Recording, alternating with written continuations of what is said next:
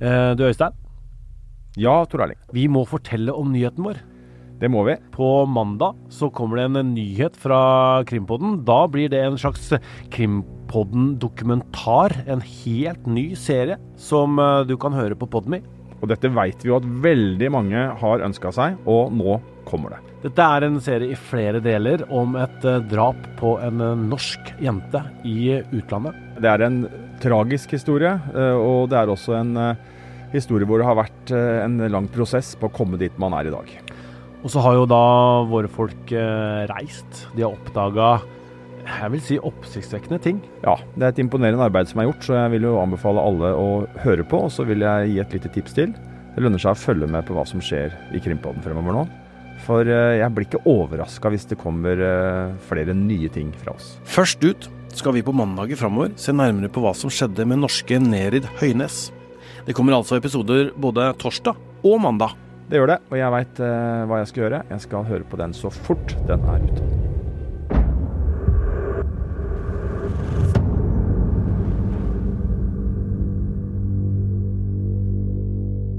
Hvordan kan man tilstå noe man ikke har gjort? Hva er det som gjør at man lett kommer i politiets søkelys? Og hva skal man gjøre hvis man er uskyldig dømt? Det skal handle om justismord.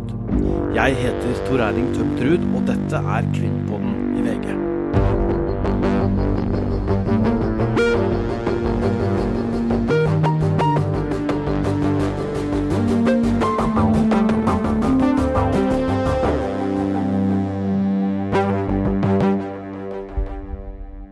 Ordet justismord kommer vi til å høre mye om i høst. Vi står foran eh, saker der det er påstand om at personer har blitt feilaktig dømt. Selve ordet justismord kommer fra den gangen man avga dødsdom og drepte gjerningsmannen, f.eks. ved halshugging. Men så fant de ut da at de hadde dømt og drept feil person. Nå har vi ikke lenger dødsdom, så nå betyr justismord at en person er feilaktig dømt. I denne episoden skal vi innom noen av de sakene som har prega justismordhistorien i Norge i moderne tid. Og med oss til å gå gjennom denne historien så har vi Thomas By. Thomas er skuespiller og påtroppende teatersjef på Det Vestnorske Teatret, og har peiling på justismord. Han satte opp stykket Null pluss null er lik fire, blant annet på Nationaltheatret. Og det handler om noen av de sakene som vi skal snakke om i dag. Men først, Thomas, hvorfor blei du interessert i justismord? Det var en lang rekke tilfeldigheter som starta med at jeg som nyutdanna skuespiller kom til Teater Ibsen i Skien. Og der klagde jeg på absolutt alt teatersjefen foretok seg. Jeg likte ikke ett eneste stykke som hun, som hun satte opp. Så hun ble til slutt lei av meg, og så sa hun at, at jeg fikk lov til å bestemme én teaterforestilling på Teater Ibsen. Og gjennom en haug med tilfeldigheter så endte det da opp med forestillingen 'Tilfelle Torgersen' av Jens Bjørneboe, som da er basert på den såkalte Torgersen-saken. Eh, og så skjedde det at eh, kort tid før vi skulle ha premiere på dette stykket, så fikk Torgersen avslag fra Gjenopptakelseskommisjonen på sin søknad om gjenopptakelse av saken sin. Og da skjønte jeg ingenting, for da hadde jeg brukt et år på å sette meg inn i alle saksdokumentene i, i saken, og trodde at vi her sto overfor et eh, åpenbart justismord. Og så kommer da denne uavhengige kommisjonen bestående av fagfolk, i motsetning til meg, lekmann, latterlig skuespiller, ikke sant. Så tenkte jeg ok, hvordan lot jeg meg lure til å tro at, at Torgersen-saken var et justismord? Og da bestemte jeg meg for å sette meg inn i et anerkjent justismord. For å se på forskjellene mellom Torgersen-saken og et, et liksom ekte justismord. Og det jeg da fant, var at det var påfallende mange likheter mellom sakene. Og gjennom dette så har interessen min bare vokst og vokst og vokst. Fra da 2005 og fram til jeg sitter her og snakker med dere i dag. Når du ser på disse sakene, og du har jo da satt opp dette stykket som handler om flere av disse sakene som vi snart skal snakke om, hvor mye research gjør du? Altså, Jeg er fristet til å svare at jeg har gjort alt som er mulig å gjøre. Altså, Jeg har lest uh, samtlige saksdokumenter uh, i, i, alle sakene. Jeg har lest alt av gjenopptakelsesbegjæringer. Jeg har lest alle avslagene som disse menneskene har, har fått. og så har jeg, jeg har lest det som finnes av offentlige sånne granskninger, utvalg som er nedsatt. Og så har jeg reist rundt da, land og strand rundt og møtt med folk som er gjenlevende, vitner og, og, andre, for å forstå sakene så godt som, som overhodet mulig. Det er nesten mer research enn det vi pleier å gjøre, det, Øystein? ja, nei, det er imponerende arbeid, det her. Så det er helt åpenbart at uh, du har satt deg så dypt inn i sakene som overhodet mulig, vil jeg si. Mm. Skal jeg kanskje skyte inn at, for Jeg syns alltid det er liksom litt rart å sitte som skuespiller og prate om noe som jo ikke er mitt fagfelt. Men så er det en merkverdig ting i norsk eh, liksom, justismordhistorie. Det er jo at det er jo, altså Alle de kjente justismordene er jo ikke gjenopptatt av fagfolk. Det er jo alltid en eller annen journalist eller eh, det være seg en pop-manager. Det er jo de som har kjempet for gjenopptakelse, mens derimot så har jo påtalemyndighet og politi kjempet med nebb og klør for å forhindre gjenopptakelse i alle de kjente justismordene. Ok, la oss ta Torgersen-saken først. Dette er en sak hvor man ikke kan konkludere med at det har vært et justismord, men i mange, mange år har folk kjempa for at det skal komme fram at Fredrik Fasting Torgersen blei feilaktig dømt for drap. Og da skal vi tilbake til desember i 1957, til Skippergata i Oslo. 16 år gamle Rigmor Johnsen blei funnet i et kjellerrom i en bygård. Det var brannvesenet som fant henne fordi det ulma av en brann der. Det lå et gammelt juletre der også. Hun hadde skader i bakhodet og var kvært og forsøkt voldtatt. 23 år gamle Fredrik Fasting Torgersen blei samtidig pågrepet mistenkt for et sykkeltyveri. Politiet mente at han hadde drept Rigmor, dratt henne ned i kjelleren, og for å skjule forbrytelsen så forsøkte han å tenne på. De mente at han hadde vært hjemom og henta fyrstikker, og så tatt med seg en sykkel. Han ble dømt til livsvarig fengsel, som det het den gangen, med ti års sikring. Men opp gjennom åra så har mange kjente og tunge strafferettsfolk kjempa for at saken hans skulle bli gjenopptatt. Torgersen døde i 2015, og da hadde de forsøkt å få gjenopptatt saken hans en rekke ganger. Og sist gang det blei avslag fra gjenopptakelseskommisjonen, var i fjor, i 2021. Thomas, fortell om Skippergata. Hva slags eh, sted var det? Altså, Det var et veldig belasta eh, område. Kanskje først og fremst prega av stor fattigdom. Eh, jeg leste meg fram til at det var et av Oslos aller fattigste områder. Det var et område med sånn havnetrafikk. Så det står i saksdokumenter det mye løsgjengere som gikk rundt i, i, i Skippergata. Og på en del bilder jeg har sett, jeg leiter meg fram til det jeg kan finne av arkivmateriale fra denne gata, dette området, så ser man jo at sant, det er ekstremt slitte bygårder. Uh, I Skippergata 6B, der Rigmor uh, bodde, så var det jo sant, utedoer i bakgården, uh, søppelkasser i, bakgården der. og ikke veldig mange da, som bor sammen sant, i, i, små, trange leiligheter. Rigmor bodde sammen med, med ni andre. og det, ikke, det var ikke svære leiligheten, for å si det sånn, i tredje etasje der. Skippergata har jo vært et eh, belasta sted opp gjennom åra, eh, kanskje inntil nylig, hvor det er ganske eh, fresht og nytt der, da, ikke sant? med nye, nye bygg og, og sånne ting. Men hvem var Fredrik Fasting Torgersen, da? Altså, han var sammensatt type. Han var en atlet. altså Han var lovende både turner, fotballspiller. Han drev med boksing. Jeg var på boksestevne da, dagen før drapet skjedde, og var der som tilskuer den dagen da drapet skjedde.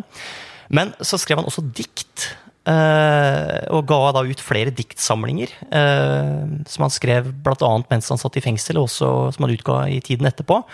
Han skrev en roman, skrev en essaysamling, han skrev bøker om sjakk. Han ble æresmedlem i Norsk Forfatterforening.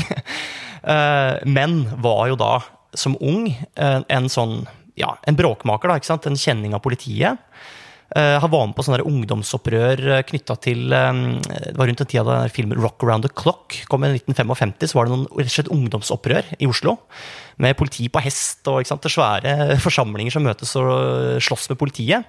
Og her skalla Torgersen annet til en politimann. En gang så stjal han en øltønne som han trilla liksom, gjennom Oslo sentrum. Liksom, verdens mest idiotiske tyveri. Eh, men også av mer alvorlig art så ble han også da dømt for å ha begått et voldtektsforsøk. Eh, en doms hvor han ble, han ble, han ble løslatt før tiden for den dommen, fordi det, det kom fram at hovedvitnet trolig hadde løyet. Men han er altså dømt for et voldtektsforsøk. Men han var også tidlig i 20-åra og omtalt som en bråkmaker. En, en kar som politiet eh, raskt eh, sirkla inn da, som, som, en som kunne ha begått et eh, sånt type mord. Ja, en moduskandidat på en måte. Mm. Mm. I den saken som, som, vi har hørt opp gjennom åra, så er det tre beviser som ble veldig viktige. Du hadde avføringsbeviset, barnålsbeviset og tannbittbeviset. Fortell om disse tre, Thomas. Start med avføringsbeviset. Hva var det for noe? Eh, det, altså det, er disse tre tekniske bevisene som dømte Torgersen. og Avføringsbeviset er sånn at uh, på eh, åstedet så ble det funnet avføring som etter all sannsynlighet stammer fra, fra offeret. Og på turnskoen som Torgersen hadde på seg da han ble anholdt, så fant man en liten klump med avføring. Og under rettssaken i 1958 så ble dette presentert som at det var en, en identisk avføring. Eh, det samme var tilfellet for dette barnålbeviset. Nede i kjelleren så lå det et ett år gammelt knusktørt juletre. Og i Torgersens dress som han hadde på seg tidligere på kvelden, så fant man fem barnåler. Og det ble også lagt fram i retten som at disse barnålene var identiske. Og på toppen av dette så var det da et bittbevis, tannbittbeviset. Rigmor ble bitt kraftig i det venstre brystet. Og to sakkyndige eh, forklarte da i retten at eh, tennene til Torgersen var 100% forenlige med bitemerkene i offerets bryst. Så du kan si at det var, ikke, det var ikke veldig rart at Torgersen ble dømt i juni 1958. Men så er det sånn at eh, når man ser på disse bevisene i dag, så har man ny teknologi og sånne ting, men det er vel ikke mulig å, å gjøre disse, disse, analysene. Men hadde man teknologi den gangen som kunne se at det, det var f.eks. samme type avføring på åstedet og på skoen? Nei, det, det kunne man ikke. Uh, så, så, altså, det står jo flere steder at undersøkelser er gjort med det blotte øyet og sånn. Det er, det er veldig lite empiri. De, har noe, de, har ikke noe, grunnlag, de har ikke noe, noe å sammenligne med. Uh, sånn at, men det man jo har, er jo disse rapportene. ikke sant? Og de sakkyndige som ser på bevisene i dag, de ser jo f.eks. at det beskrives funn av hår, små hår i den avføringsklumpen som ble funnet på Torgersens sko. Og da sier de sakkyndige i dag da, at når det er hår i avføringen, så tror de at det stammer fra et dyr som har slikket pelsen og fått uh, hår i avføringen. Og på den måten er jo alle disse tre tekniske bevisene de er jo veldig utfordra, kan du si, i, i årenes løp, for å si det litt forsiktig. Men, ha, men, har man disse fysiske bevisene fortsatt i dag, eller er de destruert? Uh, det meste er destruert. Det verste er at uh, brystet til Rigmor er ivaretatt uh, og finnes. men det er liten tro på at det skal liksom, føre til noen nye resultater og undersøke det grundigere. Man har jo ganske gode fotografier av brystet. Man har gode avstøpninger av Torgersens tenner. Sånn at det rare er jo på en måte at disse bevisene er jo i dag blitt litt nulla ut. av. Og selv Gjenopptakelseskommisjonen sier jo at de tre tekniske bevisene i dag er altså sterkt svekket. Men de mener allikevel da at disse tre bevisene vurdert samlet er nok til å få dømt Torgersen. Så selv om de hver for seg er svekket, så er de samlet sterke. Hva mener påtalemyndigheten eh, i dag? For det er jo, det er jo på en måte selvfølgelig skifte av eh, personer som bekler disse sentrale stillingene. Eh, hva mm. er hovedlinjene til påtalemyndigheten når denne saken kommer opp? Det er det samme. Det er at eh, det, er, altså, det, hevdes at det ikke er noen nye bevis. At alt ble prøvet under rettssaken 1958 og har blitt prøvet en rekke ganger senere. Eh, og at det samlede bevisbildet er av en sånn art at det ikke er egnet til å gjenoppta saken. Det er litt det vi kjenner igjen, og kjent fra de sakene vi skal snakke om med Liland og Fritz Moen og det være seg Baneheia eller hvilke saker det måtte være, så er det denne enormt høye terskelen for å få en sak gjenopptatt. Det som jo er et paradoks når man sitter her i dag, og vi har jo eh, noen omgivelser som er eh, svært interessante, og det, og det, er jo ikke bare nå denne saken, det har vært noen saker før også, hvor ny teknologi gir nye svar og gir oss eh, tryggere på en måte tryggere muligheten til å ta bedre og mer opplyst og tryggere standpunkt om skyld eller ikke skyld. Og det er jo flere nå som uh, saker hvor det endrer seg veldig pga. ny teknologi. og det som jo er litt uh, Nå er det vel på trappene, kanskje, men det som jo jeg tenker er viktig, er jo at nå sitter vi her i 2022. Uh, det er folk som blir dømt, nekter skyld, det er bevis. man bør jo ta vare på ting. og mm jeg syns ikke man bør være redd for å gjøre nye analyser. Hadde man hatt uh, avføringssporene fra uh, den gang nå, mm. hadde man hatt disse barnålene Vi vet uh, fra mine, en av mine, mine saker, Orderud-saken, så har dette med barnårsanalyse vært et, er et Det er fortsatt et tema. Man vil gjerne ha analysert noen barnåler som jeg tror det, Den er jo under behandling i kommisjonen nå. Jeg tror kommisjonen, nå sier jeg 'tror' med store bokstaver, har vært lite villig til å gjøre det, som jo Per Veronica Ordre syns er, er, dumt, fordi at de mener at det kan, kan være viktig for dem. og det det tenker jeg må være en sånn Til de som lytter på, som har ansvar for pengesekker og offentlig bruk av dem og det vi snakker om nå, så tenker jeg det er et viktig budskap. At man må bruke ressurser på å ta vare på bevis eh, for ettertiden, og ikke være redd for å gjøre nye analyser for å nettopp eh, forhindre det som vi ser eh, dessverre, og ett justismord er ett for mye, skjer. Torgersen-saken blei og har, blitt, har, aldri blitt gjenåpna. Jeg var sjøl på en pressekonferanse hvor de la fram en sånn begjæring. Det var en lang lang, stor blokk med dokumenter som de da skulle gi til Gjenopptakelseskommisjonen. Og der satt eh, bl.a. Eh, strafferettsprofessor Ståle Eskeland. Eh, han også er død nå. Men det, altså, det er tunge aktører. Advokat Cato Schjøtz har jo engasjert seg veldig i denne saken her. Hvorfor har så mange engasjert seg, tror du, Thomas? Og det, og det er sånn tyngste strafferettsfolka i hele Norge, altså. Ja. Nei, jeg, jeg, tror jo at det først og fremst er disse tre tekniske bevisene. At uh, når man ser på de i dag, så ser jo uh, fagfolk også ser at uh, når det eneste som fikk Torgersen dømt, er så sterkt svekka, så mener de at det er grunnlag for gjenopptakelse.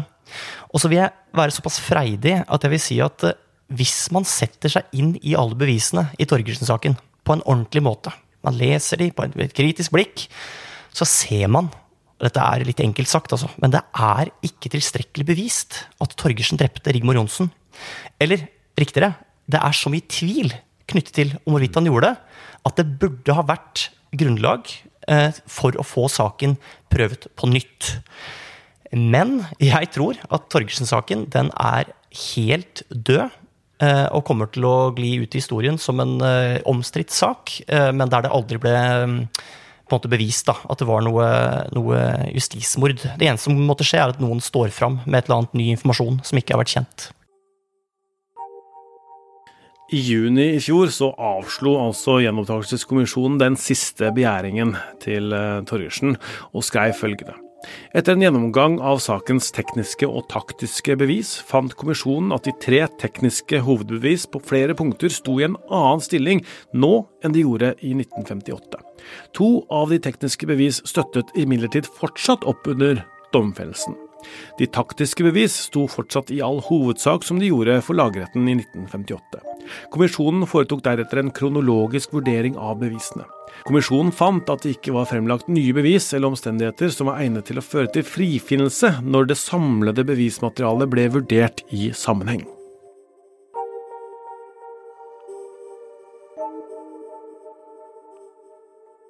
Så skal vi til en sak som kommer i en egen episode i Krimpodden seinere i høst. Men vi skal snakke om den nå også, nemlig Per Liland-saken. Vi skal til julaften i 1969. To personer blir funnet drept på en hybel i Glemmengata 73 i Fredrikstad. Denne hybelen var et kjent tilholdssted for et belasta miljø i byen, og ble kalt for Lille Helvete. De to som blei funnet drept, var Jon Olav Larsen og Håkon Edvard Johansen.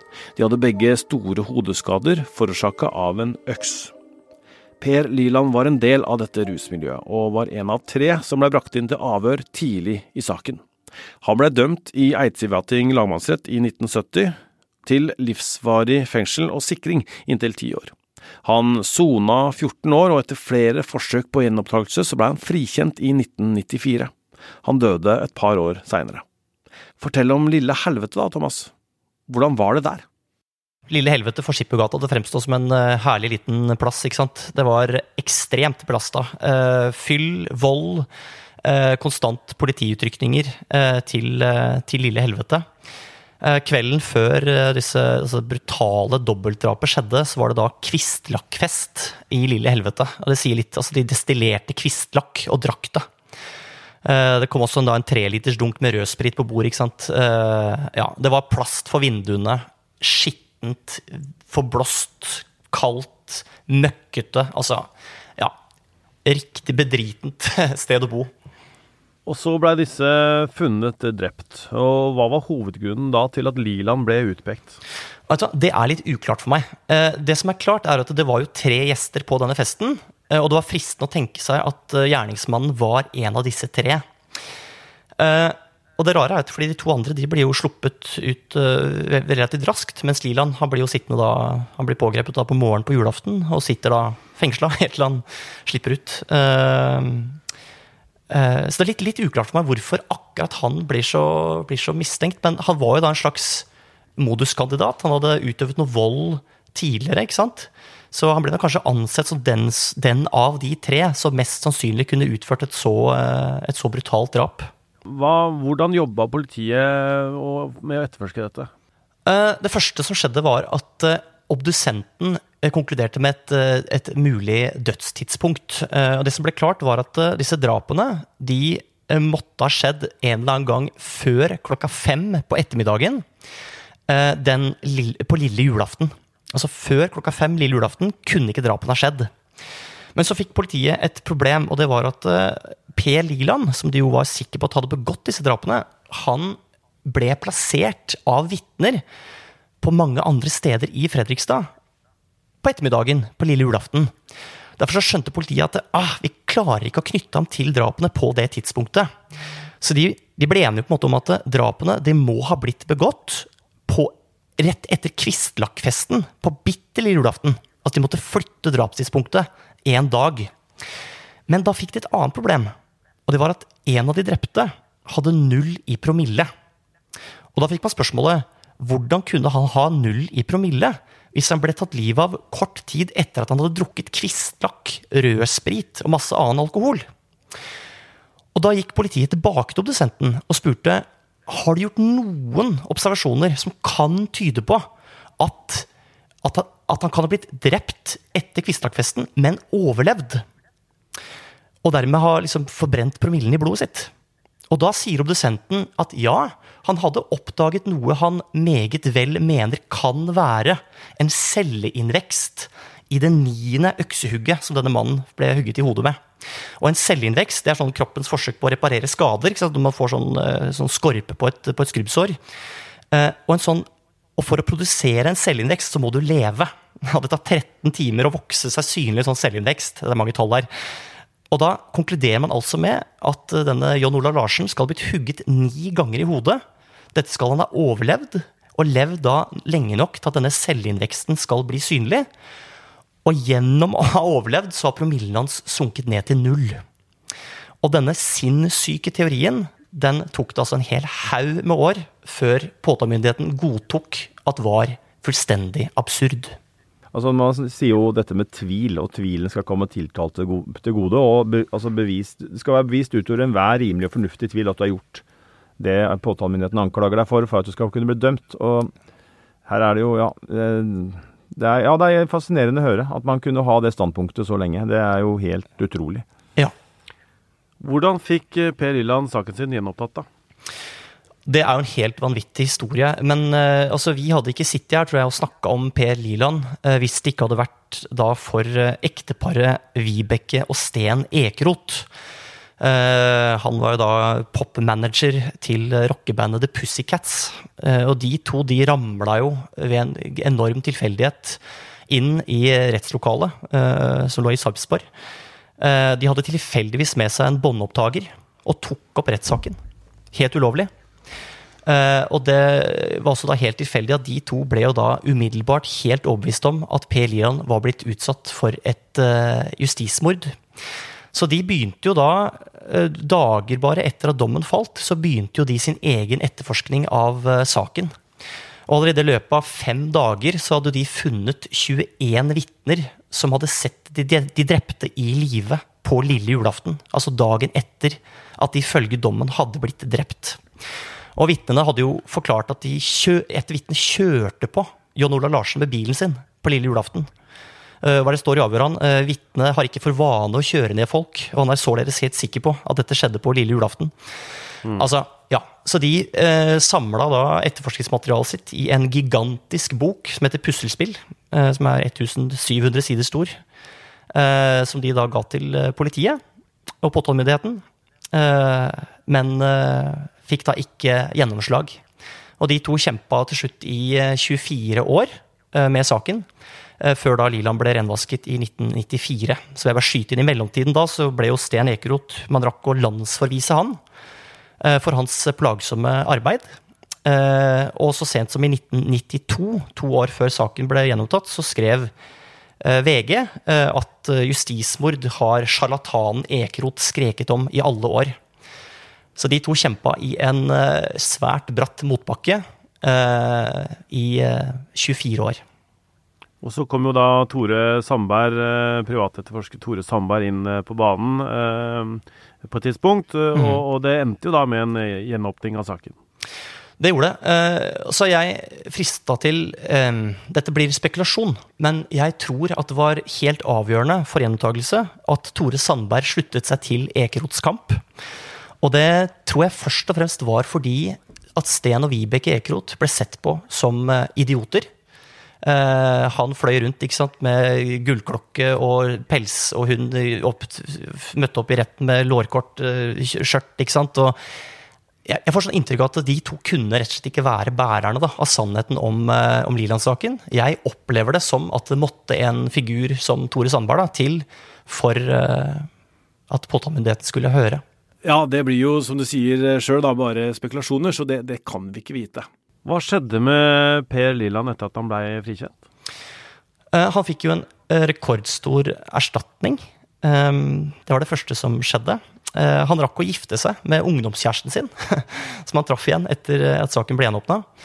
Men så døde han da dessverre bare to år vel etter at, etter at han ble, ble renvaska. Og så vil jeg skyte inn at i forbindelse med at man skulle utbetale erstatning til Per Liland, så var det da en representant fra påtalemyndigheten som klarte å uttale at uh, når vi skal eh, betale erstatning til Liland, så må vi huske å trekke fra den kost og losji som han helt uriktig mottok de 14 15 årene han satt i fengsel. Det er jo helt uh, utrolig. Den er ganske ufattelig. Uh, og fikk jo også, fikk også, litt pepper for det. Uh, det ble også uttalt fra en annen representant at han ikke ville bruke ordet justismord. Og da tolker jeg det dit hen at man sier at det er kanskje hjemmel for å få gjenopptatt saken, men at det ikke er ensbetydende med at han rent faktisk er uskyldig, da. Det ble også satt ned en granskning etter Per Liland-saken. Kan du fortelle kort hva den gikk ut på? Ja, De skulle prøve å finne ut av hva var det som gikk eh, galt eh, i Liland-saken. Det er en utrolig spennende rapport. Jeg anbefaler alle å lese den. Eh, der ser man også første kimen til det som senere blir gjenopptakelseskommisjonen, faktisk. Og Det er kanskje det viktigste resultatet av Liland-utvalget, er at man begynner å vurdere dette og ha en ny instans da, som skal gi dømte en, en, ny, en ny, mulighet. Men jeg, må bare trekke fram det er en utrolig interessant ting som kommer fram i rapporten. og det er de skal vurdere om, om det var grunnlag for å tiltale Per Liland. For i det hele tatt, Og da står det altså i rapporten at på tiltaletidspunktet forelå det ingen fellende bevis. Men vi skal huske at Liland hadde sittet henimot fire måneder i varetekt, samt at det var et sterkt krav fra samfunnet om å finne en gjerningsmann. Således var det riktig å tiltale Per Liland, selv om det etter all sannsynlighet ville føre til en frifinnende dom. Den syns jeg er spennende. Ja, den er, ja den, er veldig, den er, veldig, spennende. Og den er, jo, den er jo kontroversiell, fordi det er jo et prinsipp at påtalemyndigheten skal jo ikke gjøre det. De skal ikke dra til retten på en måte og se om så får retten avgjøre, og så skal man eh, det, Ja, man kan jo tenke at det ville vært en sånn enkel løsning, men det er jo det man ikke skal. Man skal jo være overbevist om at skyld foreligger, og at skyld kan bevises. Er du tvil om det, som eh, påtalemyndighetens representant, så skal ikke saken for retten. Så det der er eh, jeg er helt enig. Det er en svært eh, Ja, jeg kan kalle det bruke ordet interessant og, og oppsiktsvekkende formulering. Og så er det kanskje rart også at en evaluering av en sånn sak kan konkludere med at det var riktig å tiltale en som ble uskyldig dømt. Det syns jeg også er interessant, ja. da. Ja, for da, da, da, gjør man jo det man ikke skal. ikke sant? Da taler man for at man skal dra på en måte til retten med en sånn u, altså, hvor, ikke, hvor, man ikke er sikker. altså Påtalemyndigheten skal være, obje, uh, skal være objektiv. Påtalemyndigheten skal ikke være subjektiv. Man skal heller ikke, som jeg sier, overlate ansvaret til retten. Uh, altså, Retten dømmer selvfølgelig, men påtalemyndigheten skal ha gjennomført en objektiv etterforskning. Påtalemyndigheten skal ha mennesker som eh, ser på både gunst og ugunst, altså tiltaltes eller siktedes eh, eh, altså bevis, opplysninger som, tre, som trekker retning mot og for en som er anklaga, og så skal man gå til retten i det øyeblikk man mener at man kan bevise skyld, og, og at, man, ja, at det er objektivt sett er en, en som er skyldig. Og da blir jo dette veldig rart så skal vi snakke om en sak som omtales som Europas eneste kjente tilfelle av dobbelt justismord i drapssaker. Fritz Moen blei i 1978 dømt for å ha voldtatt og drept 20 år gamle Torunn Finstad i Trondheim.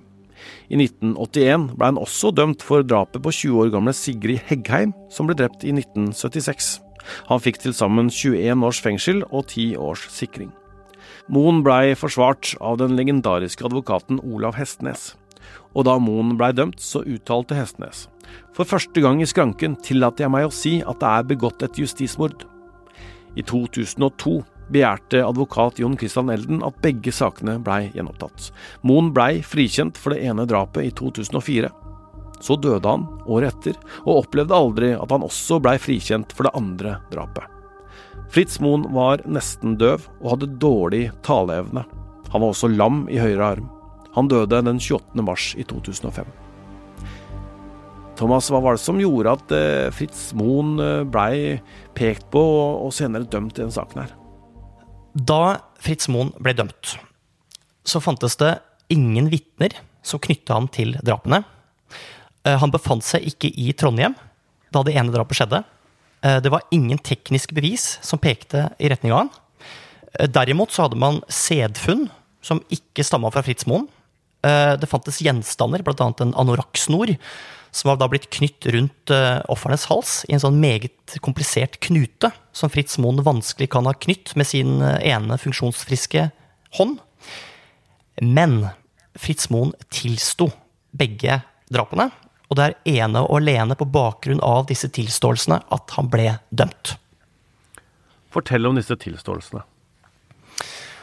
Eh, de ligner eh, egentlig på alle de falske tilståelsene som jeg har lest om, ved at det gjerne starter med at eh, den mistenkte eller sikta uttrykker tydelig at det ikke har noe som helst med drapene å gjøre.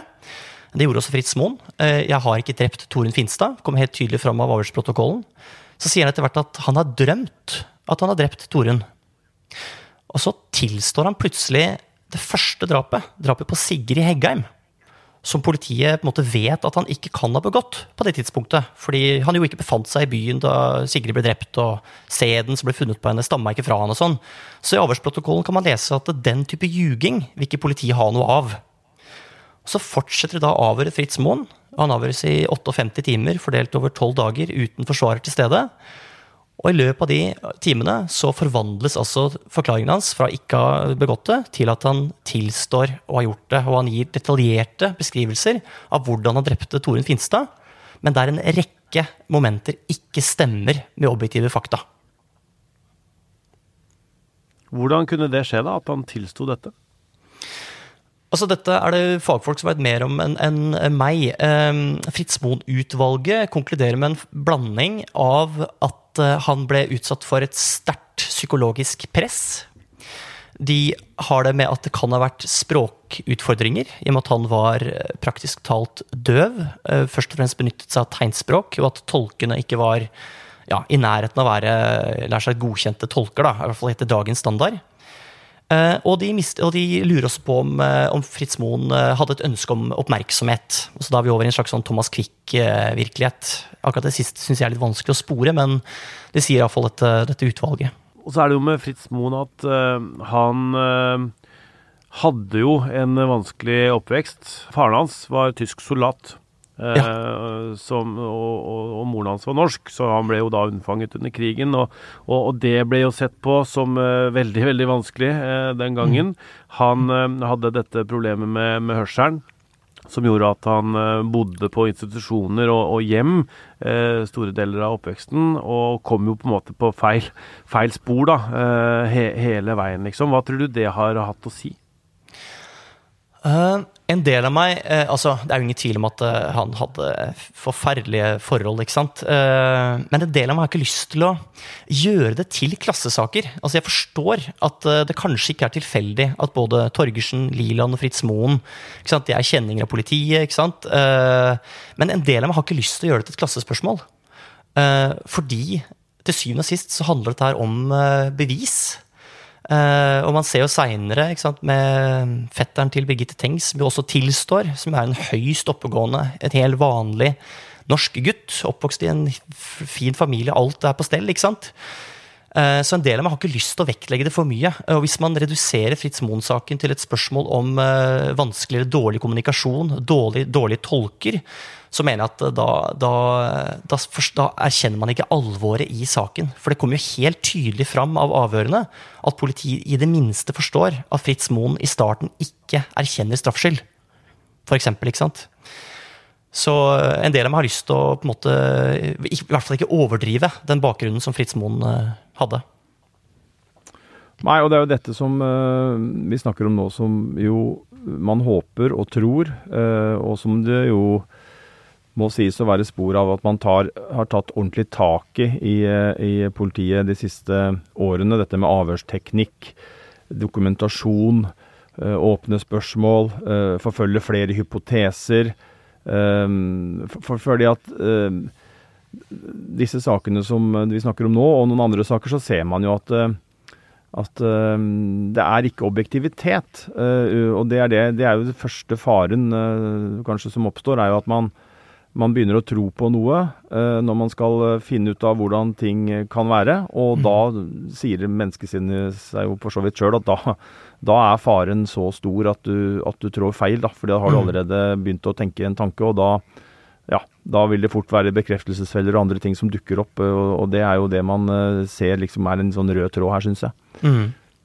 Altså tenker Jeg jeg tror jo, jeg velger å tenke at de som på en måte har eh, vært med på å skape disse justisbruddene. At dette ikke er onde mennesker. Det er ingen som vil, vil dømme noen uskyldig. Det har jeg som, som et utgangspunkt. Men jeg syns at det er så vanskelig å måte, sette seg inn i og forstå. Um, ikke sant? Fritz Moen tilstår å ha drept Torunn Finstad. Han forklarer at han rullet den ned en bakke, slepte den over et jorde. Og så gjør man en rekonstruksjon. Og så når man ruller ned i bakken, så viser det seg at det er et, et meter høyt, eller halvannet meter høyt gjerde i bunnen av den bakken. Og da får man spørsmål hvorfor forklarer ikke Fritz Moen at han måtte streve med å løfte en livløs Torunn Finstad med en, han en funksjonsfrisk arm over dette halvannen meter høye gjerdet? Han får det ikke til. Så hun som er sånn politifigurant, hun reiser seg bare opp, går over gjerdet, og så fortsetter rekonstruksjonen derfra. Og da tenker jeg liksom Hvordan Det må jo liksom Her må det jo begynne å sive inn og sånn. Eh, hvordan kunne han glemme at han løfta henne over det halvannen meter høye gjerdet? Det er jo sånn bokstavelig talt hopper over eh, problemstillinger som dukker opp, da. Og det, det er jo ikke mm, Ja, det, er, det, har vi sett i andre saker også, at man, man uh, ser bort fra, mm, bort fra det som taler mot, ikke sant, istedenfor mm. å egentlig på et vis dyrke de litt, da. Og på en måte la de være ordentlige motforestillinger, så, så på en måte Ja, og det, og det er jo det som jeg sier, da, når man først har begynt å tro noe og tenke noe og mene at man har en løsning på noe, så er man jo kanskje og det er, er, altså det er fare for at du tilpasser og tenker at eh, da må det vel finnes en forklaring på det, og så, og så kommer vi oss rundt det, og så fortsetter vi. Ja, og så tror jeg i tillegg at man skal legge til at uh, tanken om at uh, noen kunne tilstå ting de ikke hadde gjort, den var nok vesentlig fjernere, da.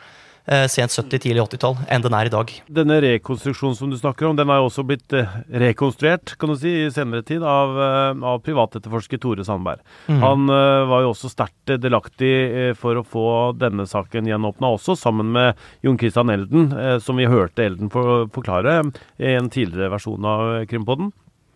Men så var det da altså at en, en mann tilsto eh, nærmest på dødsleiet at han hadde drept disse kvinnene. Eh. Hva tror du det hadde å si for dette, Thomas? Eh, det kan man jo lese av Gjenopptakelseskommisjonens eh, avgjørelse da, om å gjenoppta også Torunn-saken etter at han hadde tilstått. Eh, så ser man jo at det er jo den desiderte største grunnen til at Fritz Moen ble renvasket, det var ikke at, retts, eller at påtalemyndighet eller rettssystemet erkjente at det hadde blitt begått uh, feil som alene burde ført til gjenåpning og frifinnelse, det måtte denne tilståelsen fra denne mannen til for uh, at Fritz Moen skulle bli, bli, renvasket. Og hvis man bruker bare litt tid på å sette seg inn i Fritz Moen-sakene, så er det bare Oi, altså, det er ikke til å begripe at han kunne få avslag på tidlig 2000-tall. Blankt avslag på gjenopptakelse av sakene sine. Altså, det er hårreisende. Uh, det er Altså, ja, nei. Beklager følelsesutbruddet her, men uh, det er, vi, det er, vi, veldig for. Engasjement må du bare, bare by på. Men denne, denne tilståelsen, du må jo stille spørsmålet Kan vi tro på den? Ja, det også er jo ikke Det skal sies, da. At det er ikke det er ikke noe 100 sikker tilståelse. Det man, har, det man, har, funnet ut, er at denne mannen befant seg i Trondheim eh, de dagene da drapet skjedde. Eh, det er en vitneforklaring om at denne mannen har utøvet en sånn, eller tatt kvelertak på en kvinne. Eh, nær sagt etter samme modus da, som denne gjerningsmannen. Eh, men det, det er, man kan kanskje ikke si at det er bevist utover enhver rimelig tvil. Det kan man kanskje ikke si.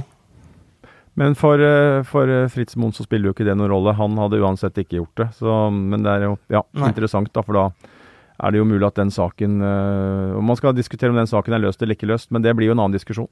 Ja.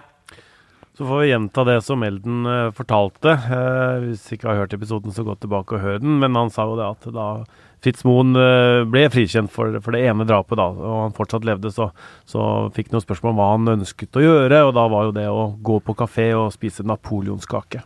Ja. Syns det er en uh, fin uh, historie. Ja. Disse sakene Thomas, som du har gått gjennom og researcha veldig grundig, uh, og har laget også teaterstykke om, mm. hva er det du ser som går igjen i flere av dem? det er, altså det er, disse elementene som eh, Man kan også lese litt om eh, disse Innocence Project, som har på en måte gjort eh, akkurat de samme nær sagt oppdagelsene som, som, meg, som går på dette med at man fokuserer for sterkt for tidlig. da. I etterforskningen så knytter man etterforskningen Man lukker den rundt den mistenkte. Det er kanskje det første som skjer. Man får altså dette berømte tunnelsynet. Det ser man som en sånn bestanddel i alle justismord. Eh, ofte så er det usikre vitneobservasjoner. Eh, og det er vitneobservasjoner som taler til uh, det mistenktes uh, gunst. De legges til side, mens alt som styrker og støtter politiets teori, de, de vektlegges. og så er de sakkyndiges rolle den er veldig viktig. og den er det den, den dag i dag. Og det er flere veldig graverende eksempler. ikke sant? I, hvis tenker, gå tungt inn på det med Birgitte Tengs-saken, så skulle de sakkyndige vurdere om fetteren løy eller ikke. Ikke sant? Og det er en helt umulig problemstilling, for da legger man egentlig hele skyldspørsmålet i hendene på de sakkyndige. Så det er et stort, stort, problem. Men det viktigste fellestrekket for meg i alle disse justismordene, det er dette at de er dømt på det samlede bevisbildet. At det er summen av indisiene som har dømt dem. Og, dette, og det rare er jo at dette er på en måte hellig i norsk rett. Det er det siste man formaner juryen om. Det er at man ikke skal vurdere bevisene separat. Man skal gjøre en samlet vurdering. Og da blir spørsmålet hvordan skal retten håndtere indisier som egentlig ikke har verdi, men som lagt sammen med andre kan tyde på at en person er skyldig? I tilfellet Per Liland så ble det faktum at han hadde vaska dressbuksa si, det ble et indisie for skyld. Fordi Forutsetter man at han er skyldig, så vaska han buksa fordi han skulle fjerne blodspor. Mens hans forklaring om at jeg vaska dressbuksa fordi jeg ville ha på meg ren eh, dressbukse på julaften, det ble ikke trodd. Og på den måten så ble en helt hverdagslig handling, som vi alle gjør, nemlig å vaske klærne våre, det ble forvandlet til et indisie som ble lagt til i rekken av andre sånne lignende indisier, som til slutt da talte for at Liland kunne være gjerningsmannen. Og da er jo mitt spørsmål det er jo hvorfor skal vi da egentlig fortsette å tviholde på dette samlede bevisbildet? Hvordan, hvordan, kan vi tillate oss det når vi ser at det eh, da ved flere anledninger har ført til feilaktige domfellelser? Vaske en dressbukse bør eh, aldri bli et eh, indisie som, i en sånn indisierekke. Det som er Det som jo de som uh, vil argumentere mot, mot, deg, vil si, er at hvis du skal uh, kreve et enkeltstående fellende bevis for å dømme noen, så, så vil det bli da vil det bli veldig vanskelig å få noen dømt, og vil man, man, vil nok, de som forsvarer det, si at da blir det eh, en dårlig rettssikkerhet for de som er utsatt for en voldtekt, eh, grov vold, eh, drap. Så dette er jo vanskelig. Eh, så jeg tenker jo at så, I hvert fall så lenge man beholder da den samlede bevisvurderingen, så må man jo stille veldig strenge krav til disse indisiene. Altså Det kan ikke være sånn Eh, det må knytte seg opp mot, og må, det må være ting som du ikke kan forklare noen, på noen særlig god måte som tiltalt og mistenkt. Altså du, du må mm. ikke kunne ha en alternativ forklaring som man kan si kan være særlig sannsynlig. Og det må knytte seg opp mot det konkrete forholdet som du er anklaga for. Uh, mm. det, det, må liksom være en veldig kritisk tenkning rundt det, i hvert fall. Da. Det å det å vaske en bukse og Ja, nei, det kan like gjerne være det. ikke sant? Eller minst like gjerne være det. At han ville ha en ren bukse enn noe annet. Og så lenge du ikke kan knytte det da til, til handlingen på noe annet vis, så tenker jeg at det er ikke et indi altså, I min verden, det er ikke et indisie. Det er ikke noe som kan legges i en rekke. Det er, det er et null. Et null Eller altså et null. Ja. Den går i null. Det er ingenting. Uh, så, så, så det tenker jeg liksom man må hvis man først skal ja, fortsette på den veien, og det, det, er sikkert argumenter for å gjøre det også, men da må man være veldig kritisk, da. Så vidt jeg har skjønt, så er bevisvurdering det er ikke noe fag noe sted.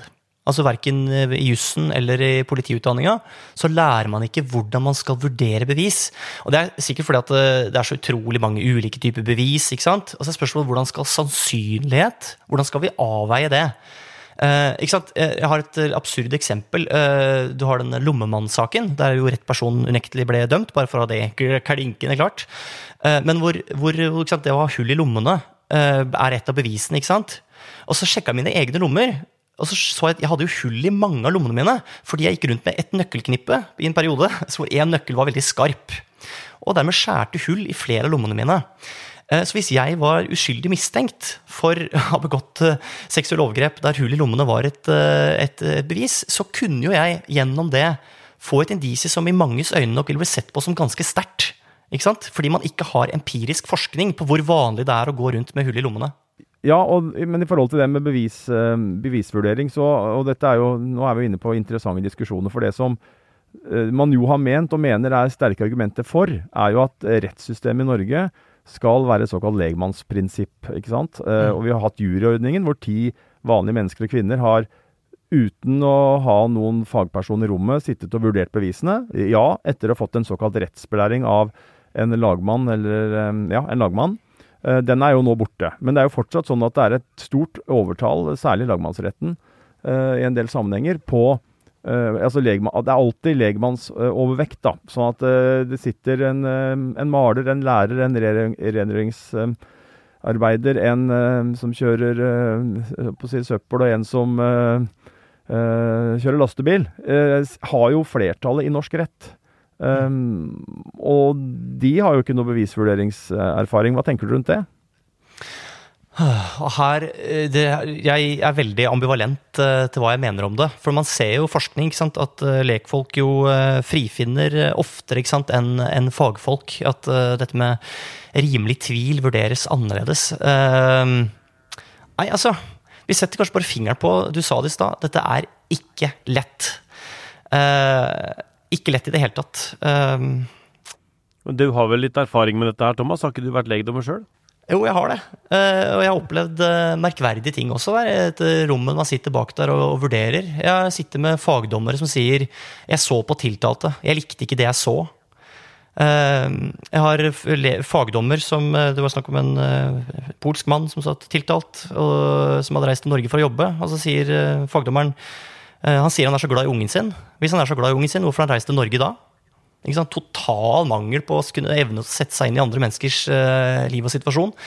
Sånn at, sånn, på én side, Norge er en fantastisk rettsstat. Unektelig. Det er en helt fantastisk ordning. Uh, og jeg, tror, jeg, jeg, håper og tror at vi relativt sjelden dømmer, dømmer feil. Uh, men at den det er, noen, det er noen utfordringer, altså. Og den diskusjonen her er jo utrolig interessant, for her er det jo, som vi har vært inne på, i mitt hode ingen fasit. Og det er heller ingen sånn ideell du får aldri en løsning hvor du på en måte kan si at det ikke er noen nedsider. Da. Du må velge en modell, og den må selvfølgelig utfordres og justeres eh, fortløpende. Men, men, men, jeg tror ikke man kan skape en, en sånn ideell situasjon hvor vi kan si at nå har vi en perfekt rettsstat med, hvor alt er, ja, fungerer helt supert. Amen.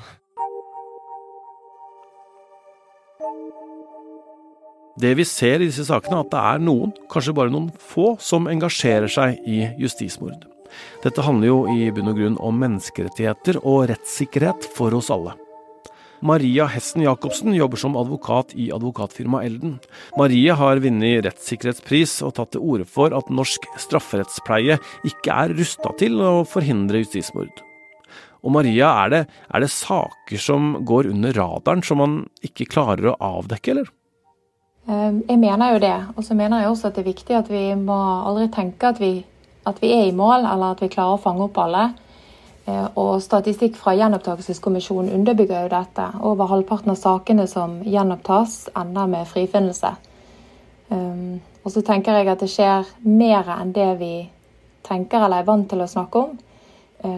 I det ordet justismord så ligger vi jo gjerne saker som Fjell-saken eller Moen-saken, som er drapssaker der uskyldige blir dømt. men Justismord er jo betydelig mer enn det. Jeg mener det er også riktig å kalle det justismord der det er utmålt feil straff, eller folk er utilregnelige som aldri skulle vært straffet. Ja, Så tenker jeg det er viktig å si at, at det er blitt mye bedre. Eh, både med opprettelsen av Gjenopptakelseskommisjonen og med politiet sine metoder som har blitt betydelig bedre. Men, men, når du ser på de sakene som vi ikke klarer å avdekke, eh, du, du, er inne på det, men hvem er det som står i fare for å bli ramma av et justismord? Eh, altså Når du skiller mellom justismord, sånn som jeg gjør, altså både der man faktisk ikke har begått forbrytelsen, eller der det er utilregnelighet eller sårbarhet som ikke blir oppdaget, så er det jo større sannsynlighet for i hvert fall to av de kategoriene for de som ikke har forutsetninger for å forstå prosessen godt nok, altså spillereglene. Har du en kognitiv utfordring eller andre funksjonsnedsettelser, sånn som døvhet eller eh, psykisk sykdom eller kombinasjoner av det, du har et langt liv i rus eller ADHD eller psykiske utfordringer, kognitivt, livsbelastninger Summen av dette kan føre til en risiko for f.eks. falske tilståelser eller forklaringer der du gir eh, mange feil som blir brukt mot deg, eller du ikke klarer å ivareta deg sjøl ved å be om etterforskningsskritt eller du er underlegen allerede i møte med politiet, de stiller i uniform, og du har din bakgrunn eh, som er styrkeforhold. De er smartere enn deg, du vil please de, de har autoritet. Eh, alle disse tingene er eh, fare. Og hva, hva, skal til da i et system for å måte forhindre dette, da? I større sakene som har vært avdekket, så er det jo eh, Felles for de er jo at det er iherdighet, villighet, oppheng og mye, mye, tid og krefter.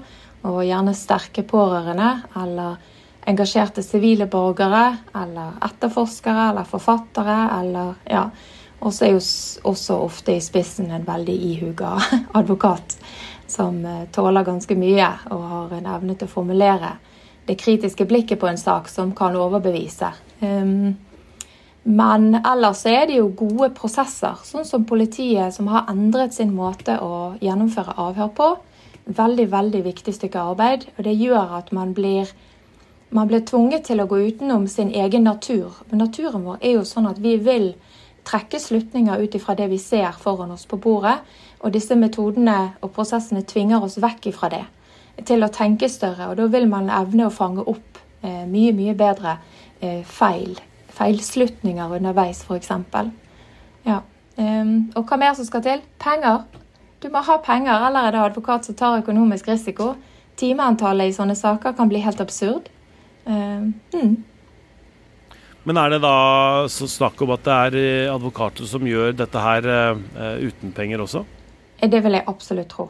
Ja, eller i saker der eh, Det er noen saker der jeg har, jeg har fått medhold av f.eks. Gjenopptakelseskommisjonen en gang om en ny prøving, fordi at jeg eh, sannsynliggjorde at klienten min var eh, psykisk utviklingshemmet når han ble dømt. Um, og fikk medhold, og han fikk ny dom, og han var psykisk utviklingshemmet. Men det visste ikke vi, så jeg må samle veldig mye informasjon og ta risikoen på at jeg får betalt for det i etterkant at eh, Gjenopptakelseskommisjonen gir oppnevning som forsvarer, eh, eller i andre saker der at domstolen eller statsforvalteren innvilger og syns alt arbeidet jeg legger ned er rimelig og nødvendig. Og så er det jo noen advokater selvfølgelig i Norge som har jobbet hundretalls timer med enkeltsaker. Og jeg vet ikke om jeg kan si at de får betalt for alt det. Men hva er det som kjennetegner eh, disse advokatene som engasjerer seg så mye i disse sakene? Vi ser jo at flere av dem går igjen også i, i, i flere av sakene. Og, og, og, dette med privatetterforskere og andre som på en måte engasjerer seg så kraftig. Hva er det som kjennetegner de folka? Nei, Det er ikke godt å si, men et eget gen tror jeg de har altså for eh, for å, å, henge seg opp i og bite seg fast i en sak og stå ved det over tid. Du, jeg tror du er nødt til å være overbevist sjøl. Eh, jeg vet ikke om det er en nødvendig forutsetning, men det hjelper i hvert fall på. Eh, å ha troen på det og så ha hjertet med. De risikerer jo latterliggjøring underveis. Hvis hele Norge er overbevist om at det er rett mann som er dømt, så er det veldig vanskelig å være den ene som sier nei, men hør her, da. Vi kommer tilbake til justismord i Krimpodden denne høsten, og det kommer altså en egen episode om drapene i Lille Helvete. Og husk, på mandag. Da er det premiere på noe nytt fra Krimpodden. Da blir det nemlig to episoder hver uke. Det kommer spennende krimjournalistikk med Øystein og meg og resten av Krimpodden-redaksjonen. Vi har masse spennende planer på gang så følg med også hver mandag. Men først ut er altså dokumentarserien om et drap på en norsk kvinne i utlandet. Bare hør på det her. Mm. Mm. Oh. There it is. You know what? You are the first one because police never never coming in. No. no. So we are actually before the police. Yeah. Uh. Altså, dette blir for mørkt å vise for noen. Vi kan ikke vise det her. Krimkommentator Øystein Milli var med i dagens episode. Vilde Våren er produsent, og jeg heter Tor Erling Tømterud.